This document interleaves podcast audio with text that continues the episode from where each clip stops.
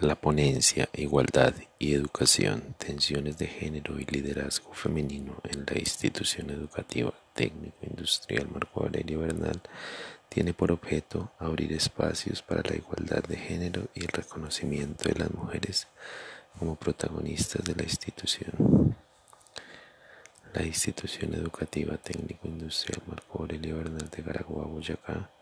se ha considerado como un colegio masculino a pesar de que ofrece educación mixta desde hace más de dos décadas.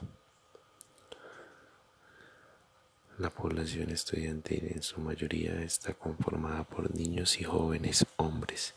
y en la comunidad de Garagoa y de la región se ve a la institución como un colegio masculino,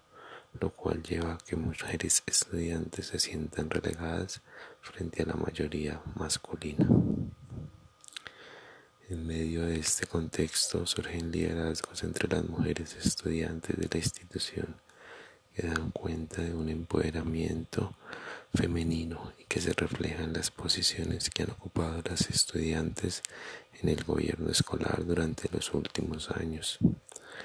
en los que la personería escolar ha estado liderada por mujeres. A pesar de ello, el conjunto de mujeres estudiantes sienten que aún falta mucho y que en términos generales no hay igualdad de género ni condiciones entre los hombres y las mujeres de la institución. El objetivo de esta apuesta educativa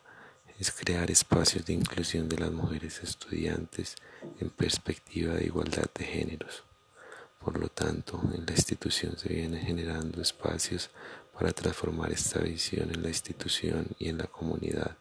esto a partir de prácticas pedagógicas que faciliten un empoderamiento de las mujeres en la institución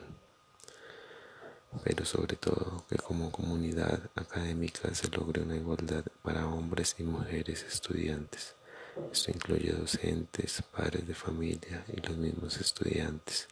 comenzando por el lenguaje y las prácticas cotidianas del ámbito escolar.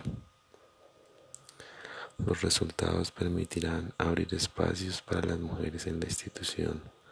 un cambio de visión acerca de lo que es el colegio y ante todo igualdad de género. El mundo necesita una sociedad igualitaria y transformadora, en el que hombres y mujeres estén bajo las mismas condiciones.